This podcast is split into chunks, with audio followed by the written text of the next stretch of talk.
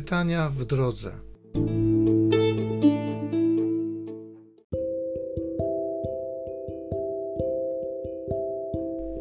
Z księgi proroka Daniela. Król Nabuchodonozor powiedział: Czy jest prawdą, Szedraku, Meszaku i Abetnego, że nie czcicie mojego Boga ani nie oddajecie pokłonu złotemu posągowi, który wzniosłem? Czy teraz jesteście gotowi w chwili, gdy usłyszycie dźwięk rogu, fletu, lutni, harfy, psalterium, dud i wszelkiego rodzaju instrumentów muzycznych, upaść na twarz i oddać pokłon posągowi, który uczyniłem? Jeżeli nie oddacie pokłonu, zostaniecie natychmiast wrzuceni do rozpalonego pieca. Który zaś Bóg mógłby was wyrwać z moich rąk? Szadrak, Meszak i Abetnego odpowiedzieli, zwracając się do króla Nabuchodonozora. Nie musimy Tobie, królu, odpowiadać w tej sprawie. Jeżeli nasz Bóg, któremu służymy, zechce nas wybawić z rozpalonego pieca, może nas wyratować z Twej ręki, królu. Jeśli zaś nie, wiedz, królu, że nie będziemy czcić Twego Boga, ani oddawać pokłonu złotemu posągowi, który wzniosłeś. Na to wpadł Nabuchodonozor w gniew, a wyraz jego twarzy zmienił się w stosunku do Szadraka, Meszaka i Abetnega. Wydał rozkaz, by rozpalono piec siedem razy bardziej niż było trzeba. Mężom zaś, najsilniejszym spośród swego wojska, polecił związać Szadraka, Meszaka i Abetnega i wrzucić ich do rozpalonego pieca. Król Nabuchodonozor popadł w zdumienie i nagle powstał. Zwrócił się do swych doradców, mówiąc: Czyż nie wrzuciliśmy trzech związanych mężów do ognia? Oni zaś odpowiedzieli królowi: Oczywiście, królu. On zaś w odpowiedzi rzekł: Lecz widzę czterech mężów rozwiązanych, przechadzających się pośród ognia i nie dzieje się im nic złego. Czwarty wyglądem przypomina anioła Bożego. Nabuchodonozor powiedział na to: Niech będzie błogosławiony Bóg Szadraka, Meszaka i Abetnega, który posłał swego anioła, by uratować swoje sługi.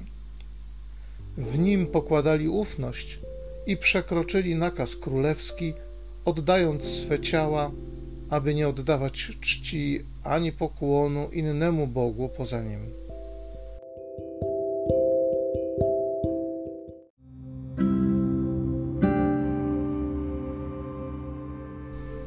Psalm z księgi Daniela. Chwalebny jesteś, wiekuisty Boże.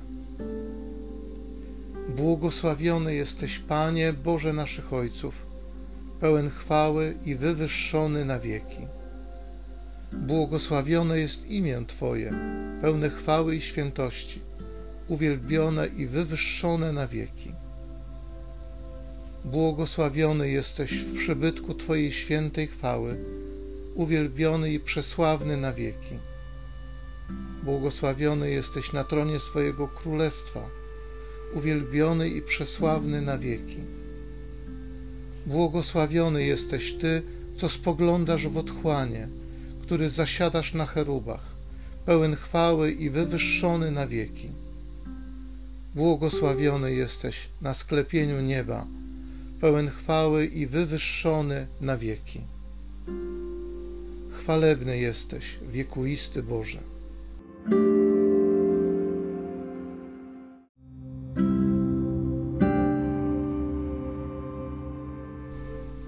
Błogosławieni, którzy w sercu dobrym i szlachetnym zatrzymują Słowo Boże i wydają owoc dzięki swojej wytrwałości.